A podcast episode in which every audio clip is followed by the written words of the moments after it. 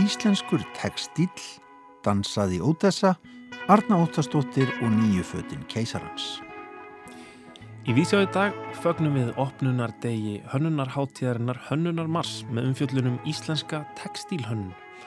Rættur við Rögnu Fróðadóttur, formann textílfélagsins en síningfélagsins Líf eftir líf stendur nú yfir í Veröld húsi Vigdísar.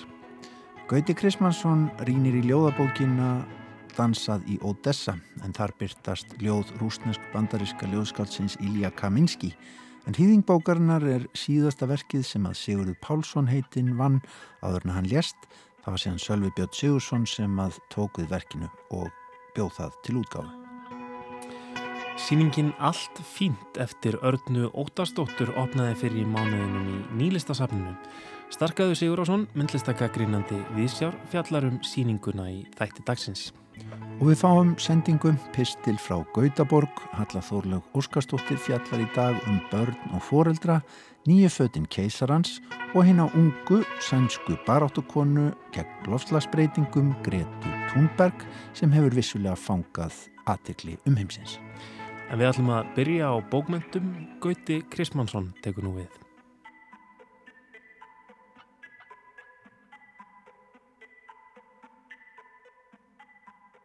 Á ennsku Wikipedia er Ilja Kaminski líst sem rústnesk bandariskum geðingi fættum í Úkrænu og að hans er ljóðskáld, gaggrinandi, þýðandi og prófessor. Svo Úkræna sem hann fættist í árið 1977 var líka hluti Sovjetríkjana gamlu. Hann fekk á samt fóraldrun sínum politist hæli í bandaríkjunum 1993 þannig að hann var 16 ára þegar hann fluttist í nýtt land og kunni þá ekki neina ennsku að heiti geti segir á netinu. Hann var byrjar að yrkja á rúsnesku þá þegar og samkvæmt viðtali við hann tók hann að yrkja á ennsku ári síðar eða skömm eftir að fadur hans lést.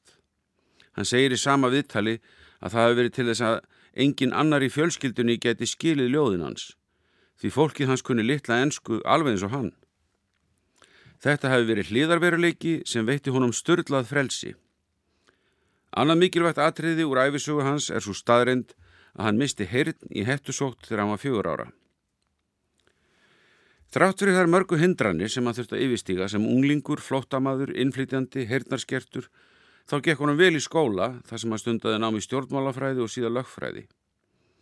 Það var gott og blessað en skálskapurinn sigraði hinn praktísku gildi eftir sem áður.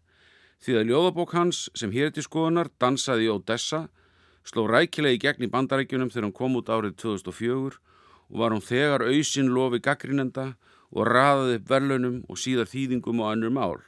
Og nú að síðast ári kom hún loksins út á íslensku þöggs í Sigurði Pálsini sem tókst verkið á hendur, fára veikur og var þetta verk svanasöngur hans í ljóðlistunni. Honum tókst reyndar ekki alveg að ljúka því en kollegi hans og vinur Sölvi Björn Sigursson tók upp þráðinn og lauku verkinu svo undverð að koma því út.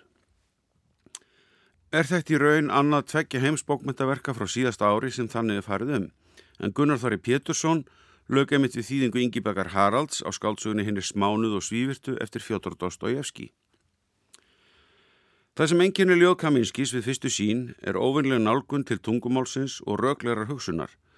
Hann rýfur í rökhyggjuna með óvendum samsetningum, refkvarfum nánast, en þó ekki. Eða eins og hann segir í fyrsta ljóðinu, eins konar tilengun sem nefnist bæn höfundar, þá getur hann dansað í svefni og hleyið, framið fyrir speklinum. Jafnvel svefn er bæn, drottin, ég vil lofsingja störlun þína og á tungu sem ekki er mín vil ég tala. Hér er eitt megin þemað aftur nefnt eins og í tillinum, dansinn stendur fyrir einhverja ljóðrana tilvistarreyfingu á milli vitundar og tilverusviða, með dansinum setur ljóðmælandin sig í spór annara og tjáir reyfinga sínar milli þessara, við fyrstu sín ósamrýmanlegu sviða. Beiting tungumálsins er þarna kjarnin. Beiting tungumáls á hálfu höfundar sem ekki er að yrkja á móðumálunu, þótt vald hans á þessu öðru máli séu augljóst og ótvírætt. En eins og flestir vita sem reynd hafað semja eitthvað meira en mataruppskrift á öðru eða þriða máli, þá hafa menn kannski annað og fremur meira abstrakt samband við það mál. Samtímis er það einhvern veginn gagsara við sjáum merkingu þar sem innfættir eru löngu og hættir að skinja hana eða margraðinni þar sem hinn um sömu finnst þetta að vera tiltölu einfalt. Það er með þessum leikað merkingu og óvinnlum samstæðum sem Kaminski tekst að skapa sitt ljóðmál. Ljóðmál sem gengur alveg upp á ennsku og leikandi í þýðingu hjá þeim Sigurði og Sölvabinni. Á eftir formála Sölvabjörs og bæn höfundar skiptist bókin í fimm sumpart ólíka hluta. Að öðru leiti tengi skaldi þá þó vel flesta með endurteknum hugmyndum og þemum, dansinum, tónlist, nóttum, fugglum, öðrum gýðingaskáldum og útlögum og yfirgefninguna, ef svo maður segja. Hvort sem um er ræði nána ættingja sem fráfalla eða ferð eitthvert annað fyrir fullt og allt. Fyrsti kaplin er samhljóða tilli bókarinnar og hefur greinlega geima einhvers konar eskuminningar mótaðar á laungum tíma gegnum drauma og nánast surrealíska endursköpun þeirra í ljóði laungu setna. Minningin um af og ömmu í ljóðinu hlátri til dyrðar er sár. Hann skrifaði fyrirlestar um frambóð og eftirspurt skýja í landinu okkar. Ríkið líst hann fjandmann fólksins. Síðar í ljóðinu segir hann, hann var skotin og ömmu var nöðgað af ríkisaksóknara sem stakk kúlupenna inn í hana þessum penna sem skrifaði fólk burtu næstu 20 árin.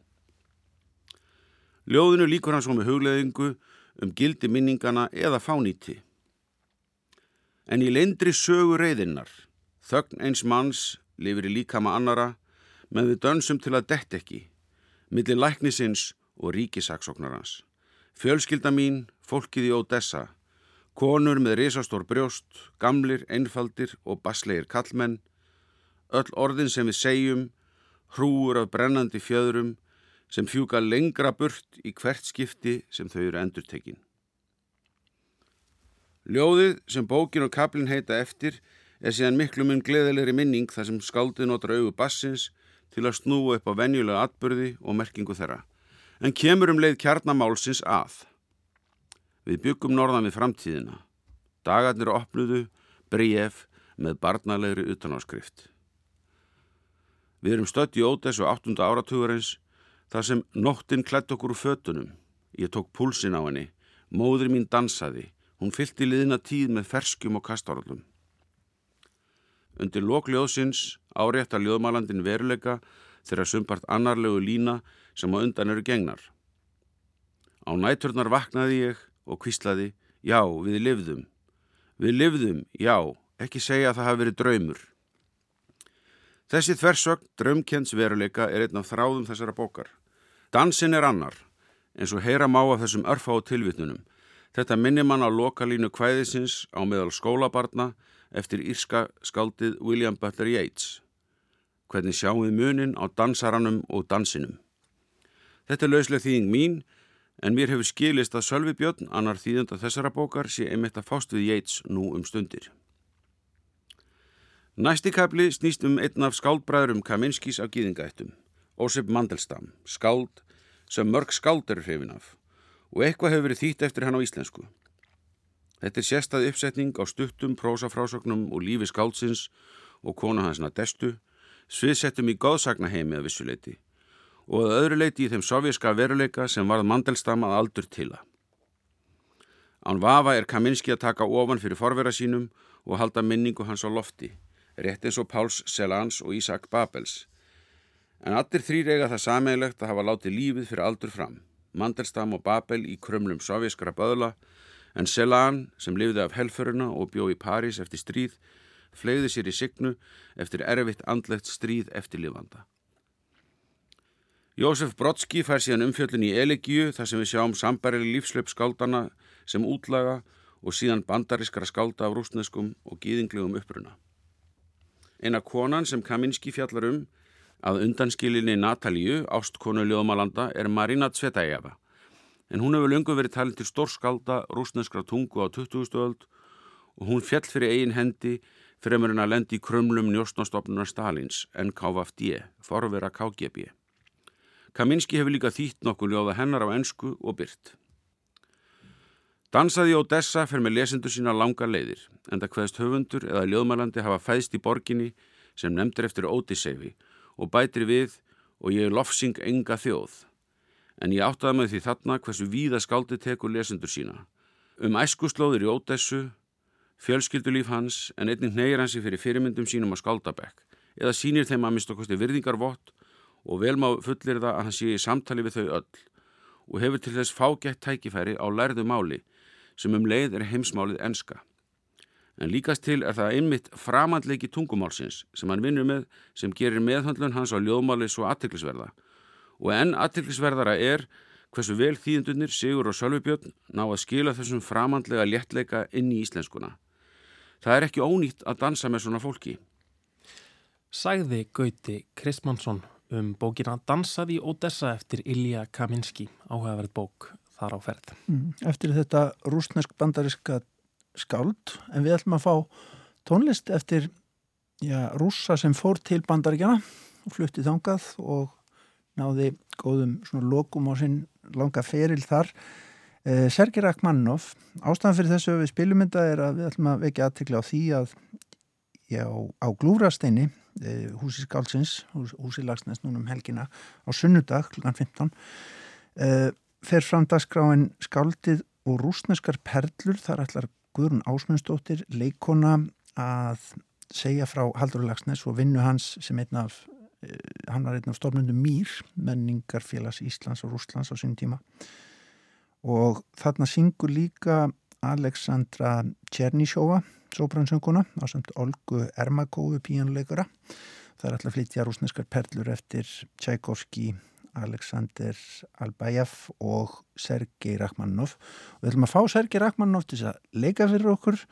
Þetta er úr verki sem hann samti sem heitir Etu Tableau. Þetta eru svona æfingar, eh, eins konar æfingamindir kallaða það.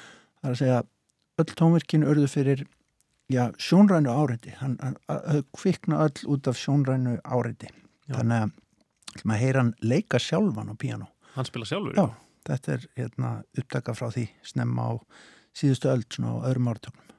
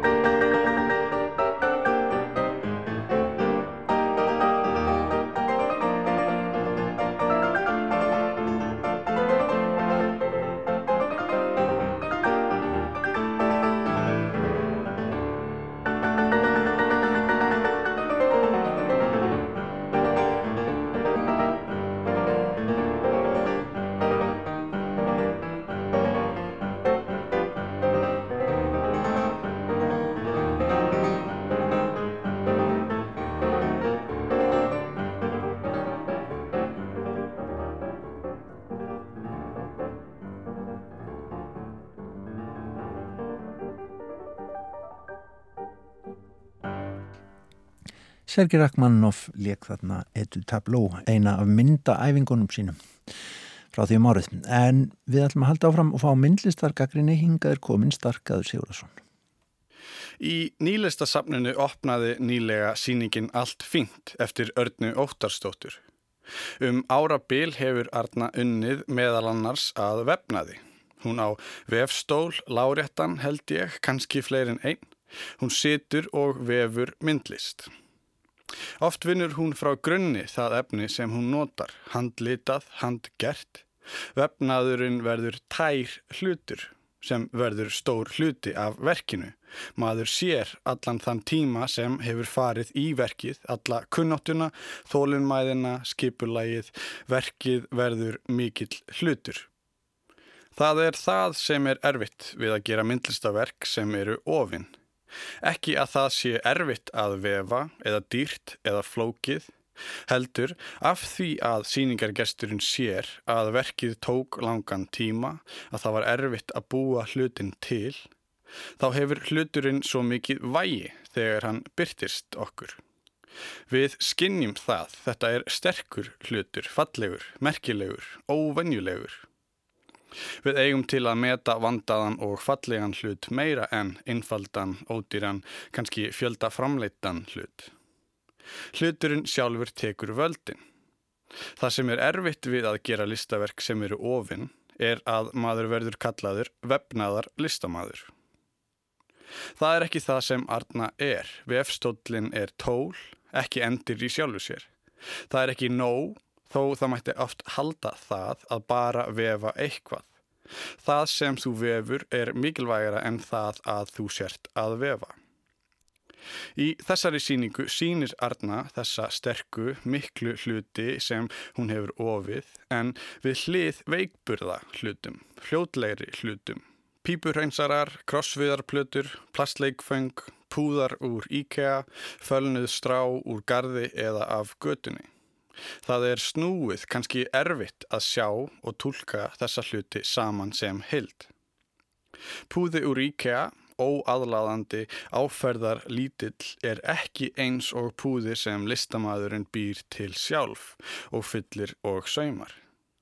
Stuttarmabólur saumaður saman úr efni sem Arna hefur litað og ofið sjálf er ekki eins, hefur ekki sama vægi og einhver flík næri því nafnlaus í fjöldaframleyslu sinni sem kastað hefur verið yfir eitthvað mjúkt fjólublátt pilsu húsgagn, verk sem er einnig nafnlaust án titils. Listamæðurinn spyr okkur hvernig við metum þessa hluti, sjáum þá, tólkum þá. Það eru sterkir hlutir sem standa sjálfur, augljósir og augljóslega góðir og fallegir, óaðfinnanlegt handverk. Og svo eru hinnir hlutirnir, þunnir, ógæfu hlutir úr plasti eða verksmiðju, fluttir inn af netinu frá austri eða af ónemdum uppruna sem maðurs ósjálfrátt metur ekki á sama hátt. En þetta er of einfalt. Arna er ekki að byggja okkur um að meta þessa hluti góða eða slæma. Hún hefur ofið saman eitthvað floknara. Titillin á síningunni, Allt fínt, gæti jú verið eitthvað sem maður svarar við spurningunni Hvað segir þú gott? og hægt er að sjá það í síningunni að hérna sé einhver smá kaltæðisleg velíðan í tónum af bleikum, kremuðum, gulum, rauðum og smá grænum litir sem eru endurteknir það oft að maður þarf að spyrja af hverju. Augljóst þá líka að þessir þægilegu, mjúku, mismunandi líkamsrjóðu litir er það sem Arna er að byggja okkur um að skoða, tengja við okkar eigin þrá og mislitaða líkama. En það væri líka hægt að sjá titilinn sem staðhæfingu. Allt fínt. Hér er allt fínt. Allir fínir hlutir.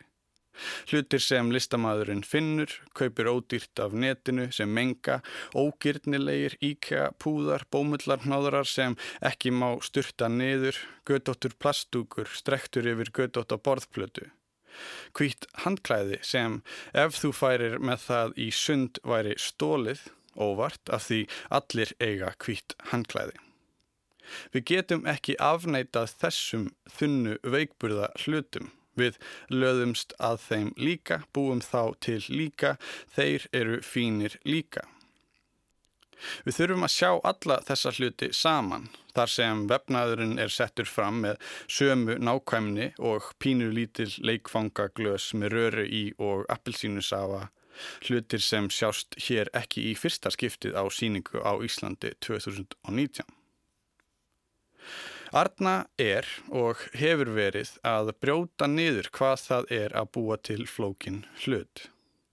Hún ákveður að vefa innkaupalista sem minnir á að kaupa kínóa og klósitpapír, einhverja skissu af líkama á samt smá krafsi, svo tekningu með orðum sem hefur verið strikað yfir eða strókuð út eins og í tölvuforriti með stafrænum línum og svegjum. Listamæðurinn sest við vefstólinn og er í mjög langan tíma að vefa eitthvað sem tók mjög stuttan tíma að búa til í fyrstu. Vefur eitthvað næstum handahófskent. Eins þörstætt og að horfa á ofur smáa plastleikfangariksu sem sama listaverkið og handgerð kvítlögsápa. Það er ójabægi í þessum hlutum en Arna er að búa það til líka. Hún hefur saumað IKEA púða, búið til púða sem lítur alveg eins út og IKEA púði án áklæðisins. Hún hefur líka tekið IKEA púða og breytt honum, eignað sér IKEA púðan sem ennþá hefur þennan risa kvíta miða sem maður gleymir að klippa af miði sem maður þekkir þó kvíta sé yfir tekstan á honum. Eða bjó hún til miðan líka? Þetta er orðin púði sem er stundum fundin púði, stundum púði sem er búin til, stundum eitthvað bæði fundið og búið til. Hvort er listaverkið? Eitthvað sem búið er til rætt er alveg eins mikil myndlist og eitthvað sem búið er til hægt. Þar er samtalið. Arna vinnur í gegnum formið og á móti forminu, vefnaðar háttum, lóðrétt og lárétt. Hún tengir vefstól, eins tæki í mörg hundruð ár við Photoshop og skjápixla. En hún er líka að augra hlutunum sjálfum. Hvernig við tólkum hluti, gefum þeim tilbúna merkingu og vægi. Í því samhengi, af hverju er listamæðurinn að vefa? Hvernig berum við saman margra ára vinnu í vefstólnum við eitthvað sem þú fannst á gólfinu í sundklefanum í gær? Af því þessir hlutir eru fyrst myndlistaverk, svo vefnaður eða bútarsaumur eða púði eða sápa.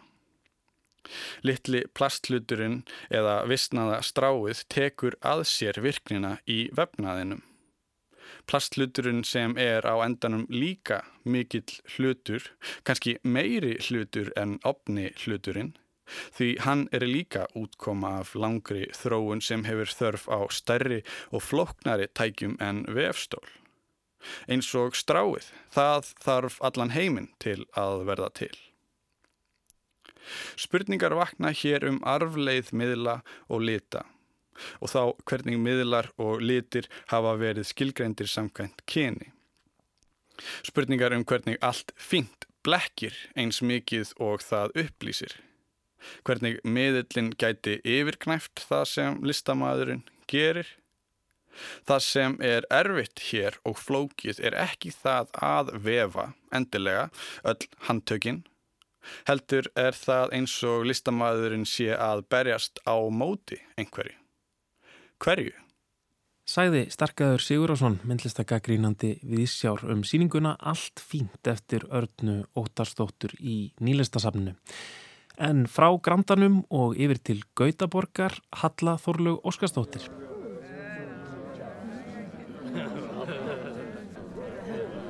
Það er spenningur í loftinu. Torkið er fullt af fólki. Fólki sem hefur staðið upp frá tölvunum sínum og gert sér ferð til að sjá þetta með eigin augum. Lítil stúlka tókur hugsi í kápu móður sinnar. Mamma, af hverju má ekki pissa bak við hörð? Sjöss, segir mammanar, ekki spyrja svona heimskulega. Stúlkan þagnar, reykur augun í grjót, nullung og kastar honum snúðug ofan í skurð. Ekki svona, þetta er stránglega bannað, skammast mammenar. Af hverju? spyr stelpan forviða. Bara, hefur alltaf verið það. Susnú, þarna kemur keisarin. Stúlkan sér ekki neitt fyrir fullanum fólkinu. Hún horfir á það að taka andköf af hrifningu. Allir halda símanum sínum á lofti og taka myndir. Stelpan hoppar, triður sér á melli einhverja, ítir sér upp, klifrar að lokum upp á stittu af gammalli þjóðheitju. Mamma, kallar hún af aukslum Jóns Sigurssonar. Akkur er keisarinn ekki í nænum fötum? Það slær þögn á mannskapin. Fólk lítur upp frá símanum, upp á barnið. Aftur á keisaran sem stendur nakin á sviðinu. Það má ekki pissa bak við hurð og ekki henda grjóti og ný skurð. Ekki fari bæi... Ekki alls fyrir löngu komi ljósað steittan okkur í Brussel. Pissandi drengurinn hefur verið að miga mörg þúsund lítrum af drikjarhæfu vatni í hverju viku um það byrj 1-2.000 lítrum á dag ofan í holræsi. Yfirvöld gerður á þeirra að vatnið færi í ringrás en það er eindir smiskilingur. Nú hefur þessu verið kipt í liðin. En sagan á baku stittuna er ekki alveg á hreinu. Þær eru nokkrar. Einn segir að stittin hafa verið gerð til minningar um drengin Júlianski sem var að njósna um óvinnaherr sem ætlaði sér að sprengja upp borgina. Hann gerði sér lítið fyrir og pissaði á logandi sprengjuþráðin og bjargaði Brussel frá falli. Ekki veit ég hvort einhver hafi sagt honum að það mætti ekki pissa bak við hörð en blessunarlega var hann nægilega ólíðin til að þóra að láta vaða. Og einhverjum öldum síðar reys upp hinn mýgandi stitta. Ekki fara að hlæja þó einhver sé að detta Ekki gera hitt og ekki þetta Þetta fullarna fólk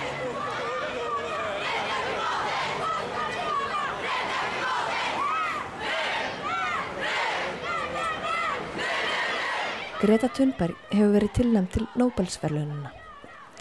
Hún hefur verið gerð að hetju. Dregin úr fjöldanum sett upp á svið og að torkinu stöndum við og klöppum. Hvetjum. Aðdándur mála af henni myndir og ég spái því að eftir einhver ár verði búið að setja upp stittu framann við Þingus Stokkólms á staðnum þar sem hún mótmælti í fyrsta sinn aðgerðaleysi stjórnvalda gagvart lofslagsbreytingum. Það er eitthvað rámt við þetta. Það er eitthvað sem vandar. Hinn 16 ára Greta er orðin einhvers konar andlit lofslagsbaratunar. Sett upp á stall eins og borðaklætt kona í bikini sem segist vilja World Peace. En Greta vill ekki vera andlit baratunar, held ég. Mér heyrist hún vilja að yfirvöld hlusti, ger eitthvað. Hún vill ekki vera krútleg stelpa með stóra drauma. Hún vill aðgerða. Verkfall ljósmaðura fyrir nokkru skók alla þjóðina. Hugmynd okkar um ljósmóðurina helst í hendur við eitthvað reynd og fallegt og ósérlífið. Konurnar sem hafa tekið á móti börnunum í aldaraðir, bjargað lífum og sálarheil. Og nú eru það börnin. Börnin eru mætt át á torg og þau eru brjáluð. Börnin sem eiga verið í skólanum og þess á milli í skipilöðu tómstundastarfi áður en þau fá svo sinn skamtaða skjáttíma. Þau eru komin út.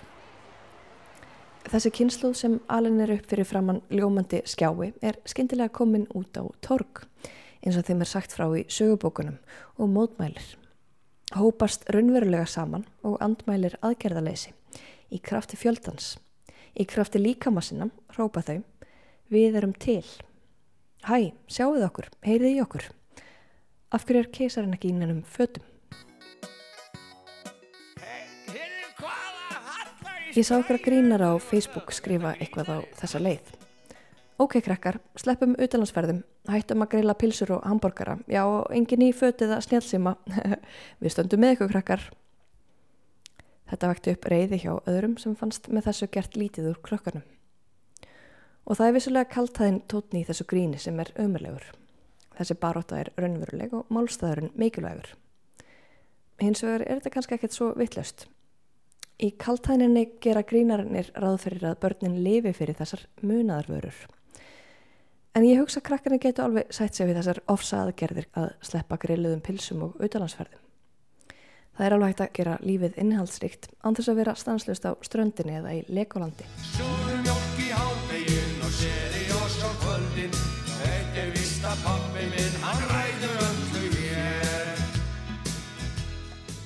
Forráðamenn eru einstaklingarnir kallaðir sem ala upp börn. Þeir hafa forræði. Og ég held að það fyrirkomulag sé ágætt. Hins vegar er kannski áhugavert að íhuga þessa stöðu og setja hana í samhengi við samfélagið. Þar sem meðlemi ríkistjórnar eru þá einhvers konar forráðamenn okkar. En þeir eiga hlusta. Þannig virkar líðræði, ekki satt. Svo hvers vegna er svona fárunlegt að hlusta á börnin? Það er ekki fárunlegt en það passar ekki inn í valdapyramítan. Forðamenni að veita betur. Þess vegna er óþægilegt þegar börnin fara að segja okkur til. Vita betur. Þegar við vitum upp á okkur skömmina.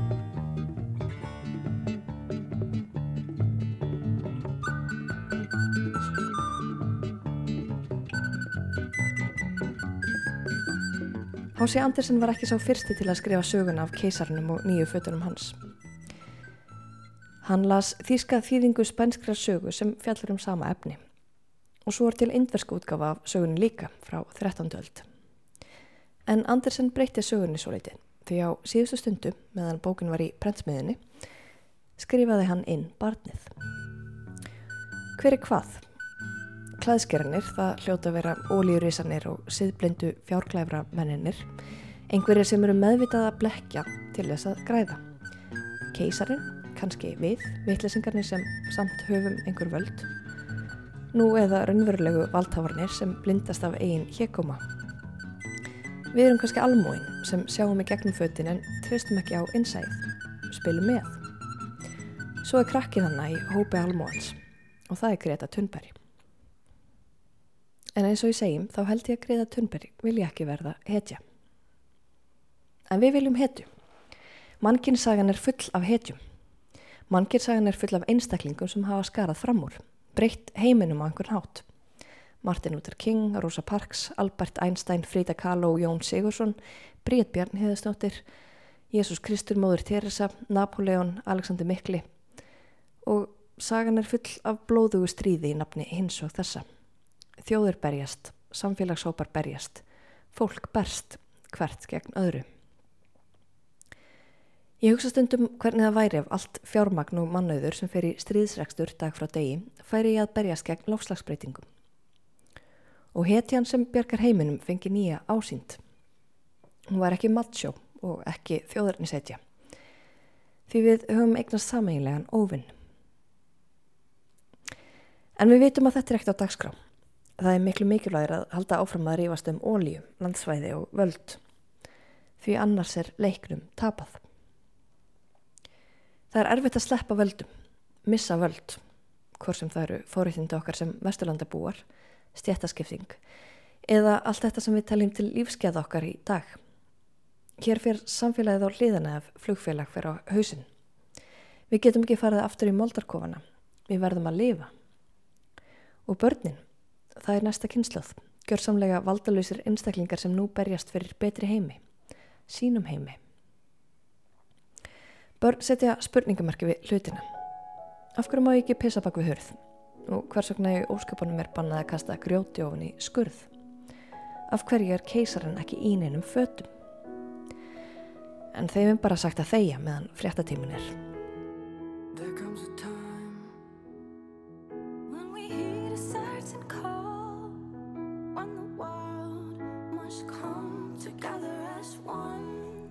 Ég skal segja þér af hverju keisarinn er ekki í neinum fötum. Hann let hjekáman narra sig og þykjustu klaðskir að plata sig og var í raun of djúft sokkin í fyrringuna til að hlusta á eigið innsægi. Því hann sá jú engin föt sjálfur. En kannski hefur þetta atvik orðið til þess að keisarinn leti af þessari óneslu og hjekáma og nýtti dressin sín í lengur en viku. Það eru nefnilega breytir tímar. Einu sinni var kannski í lægið stitta af litlum strák migi 2000 lítrum af drikjarvatni daglega ofan í holræsi í Brussel. Einu sinni var í lægi að kaupa halvan blókalshaus í fröðplastbakka innpakkaðan í plastfilmu. Einu sinni kipti sér engin upp við að bara væru einnóta plastglös í búði á vinnustöðum. Einu sinni þótti ekkert aðtögavert við að fljúa í verslunafæri til Boston. Þykir kannski ekki enn. Einu sinni gatt keisarinn gengið um allsbyr og óáreittur. En svo þurfti fjandans krakkin að opna munni.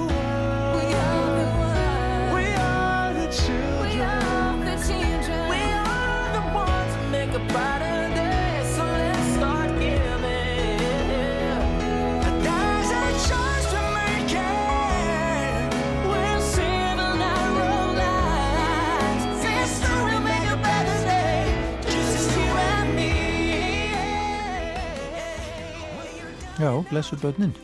Þau eru framtíðin. Já, það, um það er sungið í þessu, um þessu það- ágæta lægi. Og um það er heldur ekki deilt, sko. Eh, Það reyndar magnað að fylgjast með þessari ungu stúlku Greti Thunberg. Hún hérna talar beint inn í hjartamanns eiginlega. Þessi dana. Hún er líka bara eiginlega orðin stór stjörni. Já, ég vona að þessi vel haldið um þetta barn. Hérna, hún er orðin sko á heimsvísu stórstjarna og farin að halda fyrirlestra bara í þessu TED fyrirkomulagi til dæmis og Mhm. hérna, þetta lítur að vera aldrei álag á hann og fjölskylduna en vonandi er þetta fólk sem að höndlar þetta vel. Emitt. En við ætlum að snú okkur að hönnun núna. Hönnunamars, þessi árlega hönnunarháttíð hefst í dag, Mm. hófst í dag. og alveg ótrúlega margt að gera um að gera benda fólki bara á heimasíðuna og bæklinga sem liggja við það margt að skoða eins og vennilega og hefur verið undan farin ára þetta er svona alltaf góður vorbóðið þessi hátíð Emitt. Það eru fyrirlestrar, það eru síningar, það eru opnarvinnustofur, alls konar, alls konar hlutur í gangi. Já, maður getur alveg drekt sér í hönnun og um að gera fyrir þá sem er eitthvað forvitnir um sko að átt að segja á því hvað þetta er, hvað er um að ræða hvað þetta er sér fjölbreytt að, bara fara og láta fljóta með, Emitt. skoða sem mest En þú fórst og, og kíktir á einn viðburð sem er nú þegar hafin eða ekki. Jú, ég fór og skoðaði síningu sem er í húsi í vestur í bæ, í þessu fallega hús hennar Vigdísar Veröld. Og þar er textilfélagið að koma sér fyrir með síningu sem þær eru búin að opna.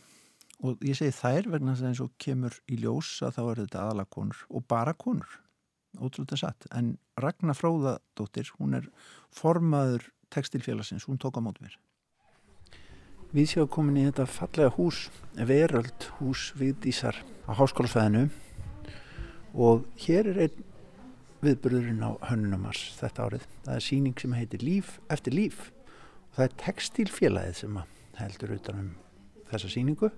Hér með mér er Ragnar Fróðadóttir sem er formaður félagsins. Þið, já, ætlið fram með ykkar list að þessu sinni og ætlið að ræða líka textin, ekki satt? Jú, sko við hérna erum að taka móti í ár, þá erum við að taka móti 50, um það byrjum 50 listakonum og hönnuðum sem koma frá Norðurlöndunum uh, núna á Hönnamars sem er komið til landsins í heimsókn að halda sinn árlega fund uh, Norrænu tekstilsamtakana hérna Norræn textilart Mm. og við ákveðum í tilumni þess að halda stóra ráðstefni hérna í húsinu og í tjölfarað því ákveðum að halda okkar árlegu hönnamarsýningu í húsinu líka. Þannig að við erum með þessa sýningu hérna líf eftir líf. Og hér sína 26 listakonur og hönnur tekstilverk og svo opnar á föstudaginn enn einn tekstilsýning í húsinu þar sem að tveir af okkar meðlum sína verk sín. Lili Erla og Ír Jóhansdóttir þannig að það er bara bóstalega allt hérna fyllast af tekstil hérna í húsinu. Þannig að Já, svo fyrir utan þessa 50 gæsti sem kom frá Norðurlöndunum þá eru um, 70 íslenski gæstir sem sætjar ástöfna og hún er bara orðin full nú þegar. Þannig og, en við ætlum að ræða allan lögadaginn tekstil og arleið okkar í tekstil og hvernig við sjáum framtíðina í tekstil og hinga koma bara þekktir tekstilfræðimenn og spekulantar og listamenn sem ætla að segja frá sinni list og sínum hugleðingum um þetta fortíð og framtíð og og hvernig við sjáum textilin þróast.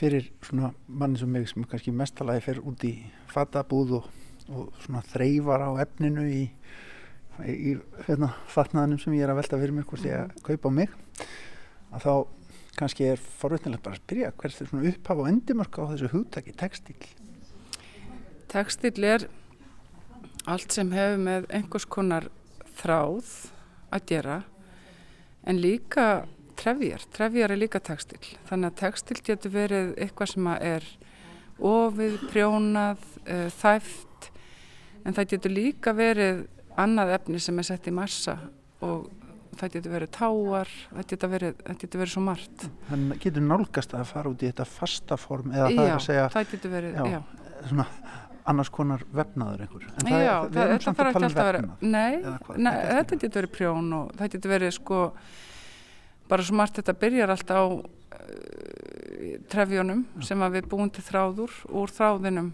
vinnum við svo annarkvort notum við tækni eins og vefnað, prjón eitthvað slíkt til þess að búa til efni eða þrývitt form eða tvívitt Mm.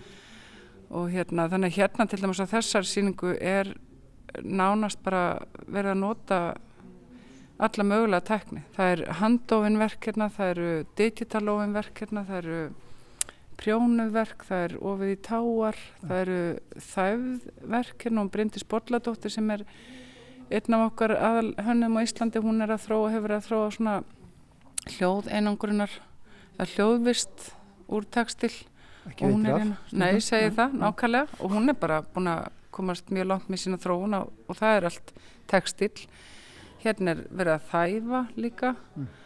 lita úr jurtalitum. Það er verið að vinna með pappir, það er tekstil uh, vinna með tré, það er verið að sauma í tré. Það er verið að vinna með afganga og sýningin heitir líf eftir líf þannig að við erum líka að horfa á sko, hvernig við getum gefið hlutum og efni nýtt gildi með því að vinna upp á nýtt eða setja það á nýjan stað með því að breyta því í, hérna list list eða hönnun af því ég nefndi nú áðan þetta með tískuna, fara út og Mhm. kaupa sér eitthvað þá, þá skiptir það náttúrulega rosalega miklu máli sko, um, umhverfisjónamiðin núna í dag í þessum bransa og textíl er náttúrulega partur af því. Allir þessari umrættu sóun og þar fram til göttunum sem að stundum er tengt við tísku heiminn Jú, akkurat, við til dæmis hefum hérna Bryndisi Björgvinsdóttur tekstil listakonu, hún er að búin að endurvinna hérna gallajakka og úlpugefa því nýtt líf en þetta er einmitt kannski svona eitt bara helsta umfjölnar efnið í dag og svona það sem við erum að fást við bæði fata og tekstilhönnir og bara tekstilheimurinn allur er bara að finna leiðir hvernig við getum sko snúið við þessari þróun sem að hefur orðið á bara síðustu áratugum þar sem að orðin annar mest vald mengunar stærsti mengunarvaldur bara á eftir ólju þannig að þetta er rosalegt. Já. og hluti af þessum þessu sem við verðum að gera er svolítið að veti fólk til meðundar þú veist hvað þýðir að kaupa sér nýja flík í hverju viku og hverjum degi og nota hann einu svona hendinni? Þú veist að við erum svolítið svona líka að tala um hvernig samband eigum við við tekstilinn sem við kaupum. Þú veist, er þetta tekstil sem að við hugsum að við viljum sjáum fyrir okkur við getum átt bara lengi eða erum við bara að hugsa stutt fram í tíman og ekkert að tengja okkur við jörðina og bara stiftir þetta í máli, þetta er flott, ég ætla að gangi þessu og þetta er lélegt, lélegt gæð og ég ætla að henda svo morgun stiluru. Þannig að þarna er bara rúslega stórt verkefni og þetta er líklega svona eitt helsta svona, hvað sem þetta er helsta áskorun, bara hönnuða og listamanna sem að vinna með textil og eitthvað tengt fata hönnun.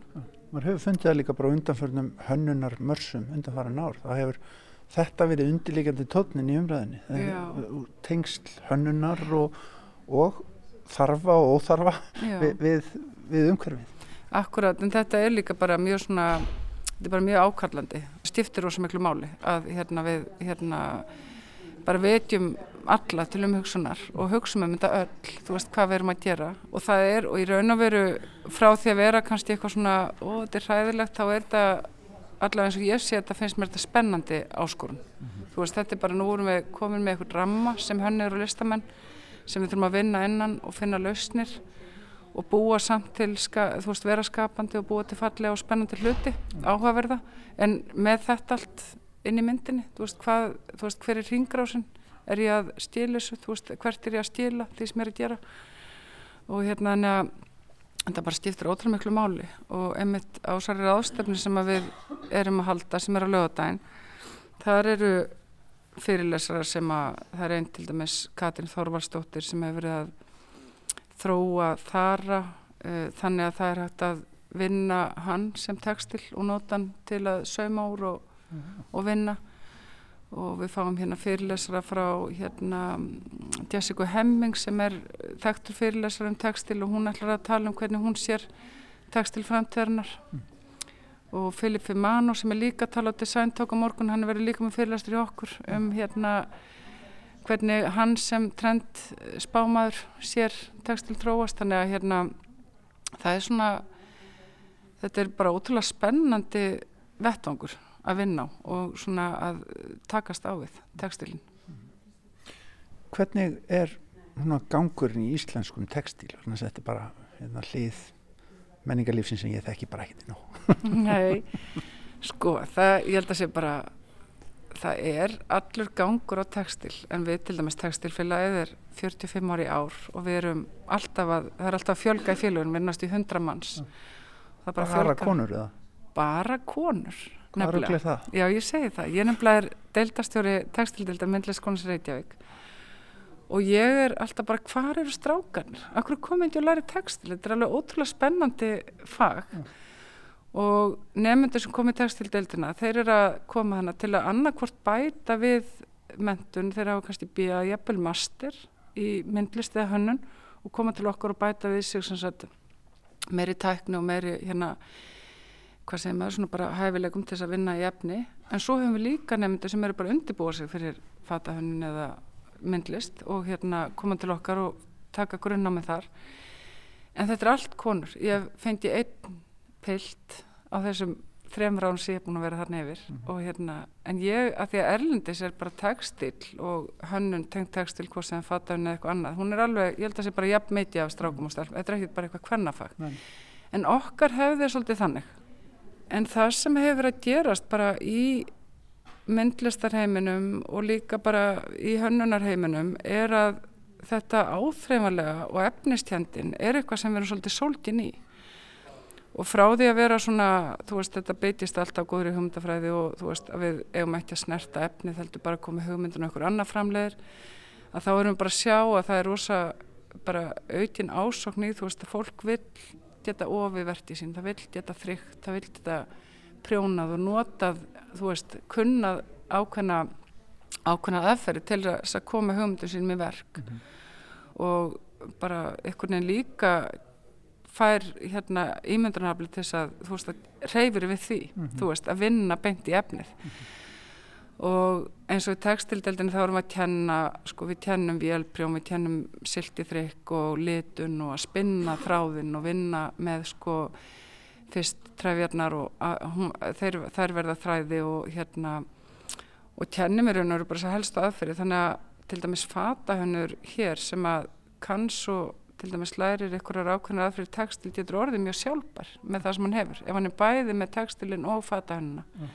Og það er alveg sem er vöruhönnun þú veist, þannig að en þannig að mér finnst þetta svona svolítið að breytast aftur, þú veist að fólk er svolítið svona líka færast nær og hérna, maður sér það líka bara í hérna á listasöfnum og sýningum bara út um allan heim að myndlistamenn eru, þú veist, að vinna með efnið og þeir vilja sjálfur vinna í efnið. Fólk vil verða sjálfbærara og leitar í fleiri áttir kannski. Já, og svo er líka allt þetta sjóna með sko með að það sem er líka, þú veist, að þið verið með þessa dívalegu fjöldaframslu sem fylgir stóru, hérna, óduru massa mertjónum, að þá er það sem að gerist líka þegar svoleiðis verður, það sem að þetta einhvern veginn eh, fer úr böndunum og við missum eiginlega tökin á þessu eins og hefur verið að gerast, að þá er ákveðin hlut okkar sem vil bara aðeins, þú veist, fara tilbaka og sætja í arfin okkar og sætja í aðferðinar og hæja á okkur, þú veist, að að það er líka það. Og að gefa sem sagt handverkni ákveði gildi. Og það er svolítið svona líka þetta, þú veist, handverk, þú veist, hvað gildir í handverkinu og hvernig getum við sett það þú veist, gefið það verðgildi sem að á stílið mm -hmm. að því að þú þarf náttúrulega líka að vinna með góða hugmynd og handverk og geta gert þetta hérna fáfræðilega þannig að það fólk sæti í það. Þannig að þetta er svona, þetta eru margi þættir en þetta er ótrúlega svona spennandi hlutir til þess að takast á við sem að tengjast þessu og hérna en það er svo sannarlega þannig að ákveðin hluti fólks er líka vangti meðmyndundar að það, þú veist, vill vita hvaðan hluturum kemur, hver bjóð hann til hvað er hugmyndin, hver er sagan þú veist, við viljum öll hafa þess að söga að segja sko, þegar þú fer að vita um hvað þetta snýst, þessi fjöldaframsla og hvað erum að gera með því að menga með hérna offramleyslu og massaframleyslu og, og hugsa bara um einhvern veginn, þú veist, hversu ódýrt ég gert þetta. Að þegar förum að skoða þá opnast svolítið augun og maður, sko, þá fer maður að fatta, þú veist, að hérna, ok, nei, þetta hérna, ég ætla aðeins að hugsa áður en ég kaupi mér ennett bólin á, þú veist, 1200 kall, stilur, hver bjóðan til og, þú veist, úr hverju og hvaðan kemur hann.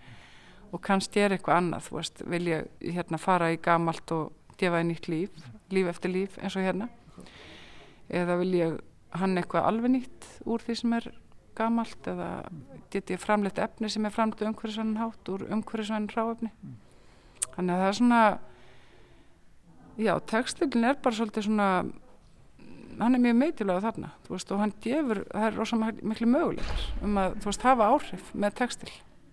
Takk fyrir kjalla. Takk samanlegis. Þannig rætti Guðni Tómasson við Rögnu Fróðadóttur, formann Íslenska textilfélagsins. Já, og á þessum nótum, á hönnunarnótum, ljúkum við viðsjá í dag. Við mælum með hönnunumar sem er að hefjast og bendum á að við erum með úruval úr þáttum vikunar á sunnudaginn klukkan 14. Annars heyristu bara í næstu viku. Takk fyrir að hlusta. Verið sæl.